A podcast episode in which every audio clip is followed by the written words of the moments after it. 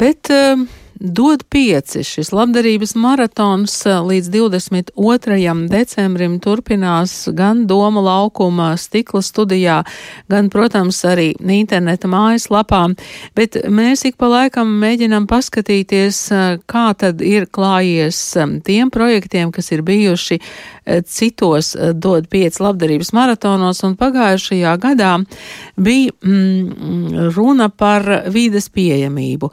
Un šobrīd Šobrīd šis stāsts turpinās, um, jo Kolorājas sadarbībā ar Sustento meklē kultūras aģentus, cilvēkus ar invaliditāti, kuri vēlas veicināt ikvienam pieejamu kultūras un mākslas vidi Latvijā. Kā tas notiek, kur šie aģenti tiek gaidīti un kas tiek gaidīts no aģentiem, to mēs to uzzināsim, jo mēs esam sazvanījušies ar Lību Bērziņu. Labdien! Sveiki! Tad, eh, ko jūs eh, mēģināsiet noskaidrot, vai, vai ko jūs jau esat noskaidrojuši par šo kultūras un mākslas vietu pieejamību, un eh, kas tad notiks jau rīt? Jā, es jau pati vairākus gadus aktīvi darbojos, lai veicinātu šo pieejamo mākslu un kultūru Latvijā. Un ir ļoti, ļoti daudz uh, iestādes, muzeji, citas institūcijas, uh, kas vēlas uh, veicināt pieejamu vidi ikvienam, un arvien vairāk parādās uh, dažādi jauni notikumi, kur tiek domāts par pieejamību cilvēkiem ar dažādu veidu invaliditāti, eh, bet joprojām ir problēma, ka eh, cilvēki ar invaliditāti paši neiesaistās pietiekoši.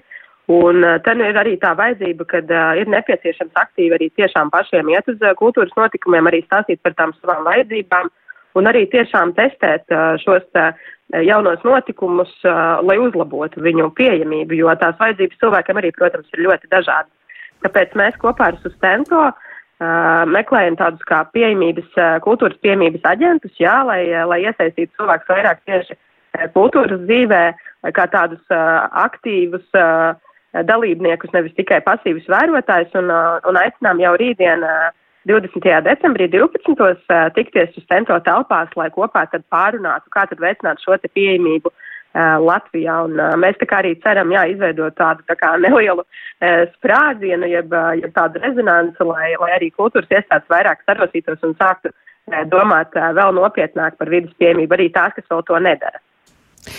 Jā, bet eh, jūs teicāt, um, ka šie cilvēki maz iesaistās. Viņi negrib, vai viņi ir sastapušies ar kaut kādu negatīvu sabiedrības eh, reakciju vai aizspriedumiem? Kāpēc tad viņi nepiedalās?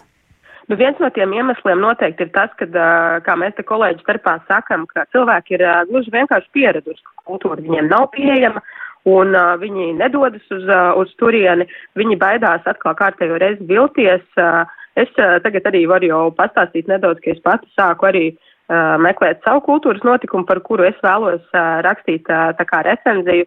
Un uh, es izdomāju, ka es vēlos aiziet uz klasiskās uh, mūzikas koncertu, un es pārvietojos ratiņkrēslā.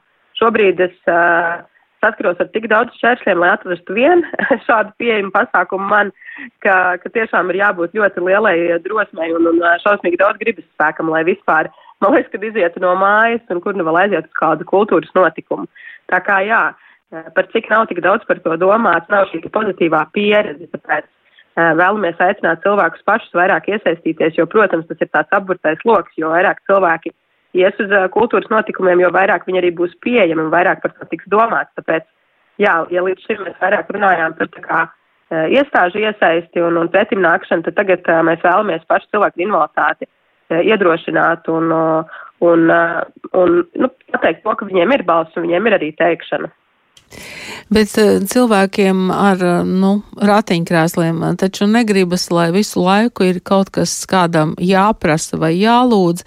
Tā normālā situācija būtu, ka cilvēks pats var uzbraukt, piespiest lifta pogu, un tā nav nekāda milzīga ekskluzivitāte, ka tieši tā tas varētu notikt gan koncertzālēs, gan teātros, gan izstāžu zālēs. Jā, protams, cilvēkam jābūt pilnīgi patstāvīgam, lai varētu arī doties uz kultūras notikumu. Un, protams, ka tā situācija ir ļoti dažāda. Un tad atkal sanāk, piemēram, kad, ja es pārvietojos ratiņkrēslā, man bieži vien ir jāizvēlas kultūras notikums pēc tās vietas, kuras fiziski tiek iekšā, nevis pēc tā, kas man interesē. Līdz ar to tas ir tāds papildus izaicinājums atrast tādu notikumu, kas būtu gan pieejams man, gan arī tiešām man interesētu, jo beigu beigās tad mēs cilvēki realitāte ejam uz vieniem un tiem pašā, vienām un tām pašām vietām un uh, baudam vienu un to pašu kultūru, bet mums arī gribās dažādību, un tas ir tikai normāli, vai ne?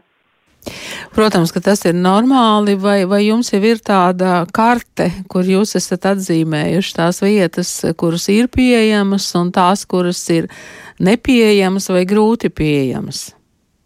Jā, mums, mums ir tāda karte. Uh, nu, pagaidām gan nav tādā fiziskā veidolākā karte, bet ir šīs vietas uh, redzes lokā, kas ir vairāk draudzīgas. Uh, plānojam tuvākajā nākotnē uztaisīt arī tādu publiski vairāk visiem pieejamu šo karti, jo tas ir tiešām izaicinājums atrast vietu, kur, kur var iekļūt. Un es pagaidām runāju tikai par kustību traucējumiem vairāk, jo es pati ar tiem dzīvoju, bet, protams, mēs. Uh, aicinām arī cilvēkus ar redzes, dzirdes traucējumiem un garīgi raksturu traucējumiem, lai runātu par šo vidas piemību plašāk.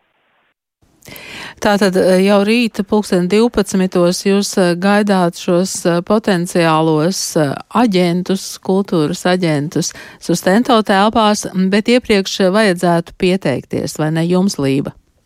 Jā, iepriekš vajadzētu pieteikties pie manis. Un, un par cik ļoti liela interese arī no reģioniem būs iespēja arī pieslēgties tiešsaistē. Tā kā vajag sūtīt man uz ēpastu ziņu, un tad mēs nosūtīsim arī saiti. Lai tad mēs kopā visi varam darboties un veikt šīs pārmaiņas ātrāk. Jā, tātad um, e-pasts būs berziņa.liba at gmail.com. Paldies jums, Lība. Es domāju, ka mēs varētu jums palīdzēt un dažviet iet ar jums kopā, lai saprastu, cik tas ir viegli vai sarežģīti. Paldies jums un lai izdodas šis projekts. Es runāju ar Lību Bērziņu un mm, Lība Bērziņa kopā ar Sustento meklē kultūras pieejamības aģentus.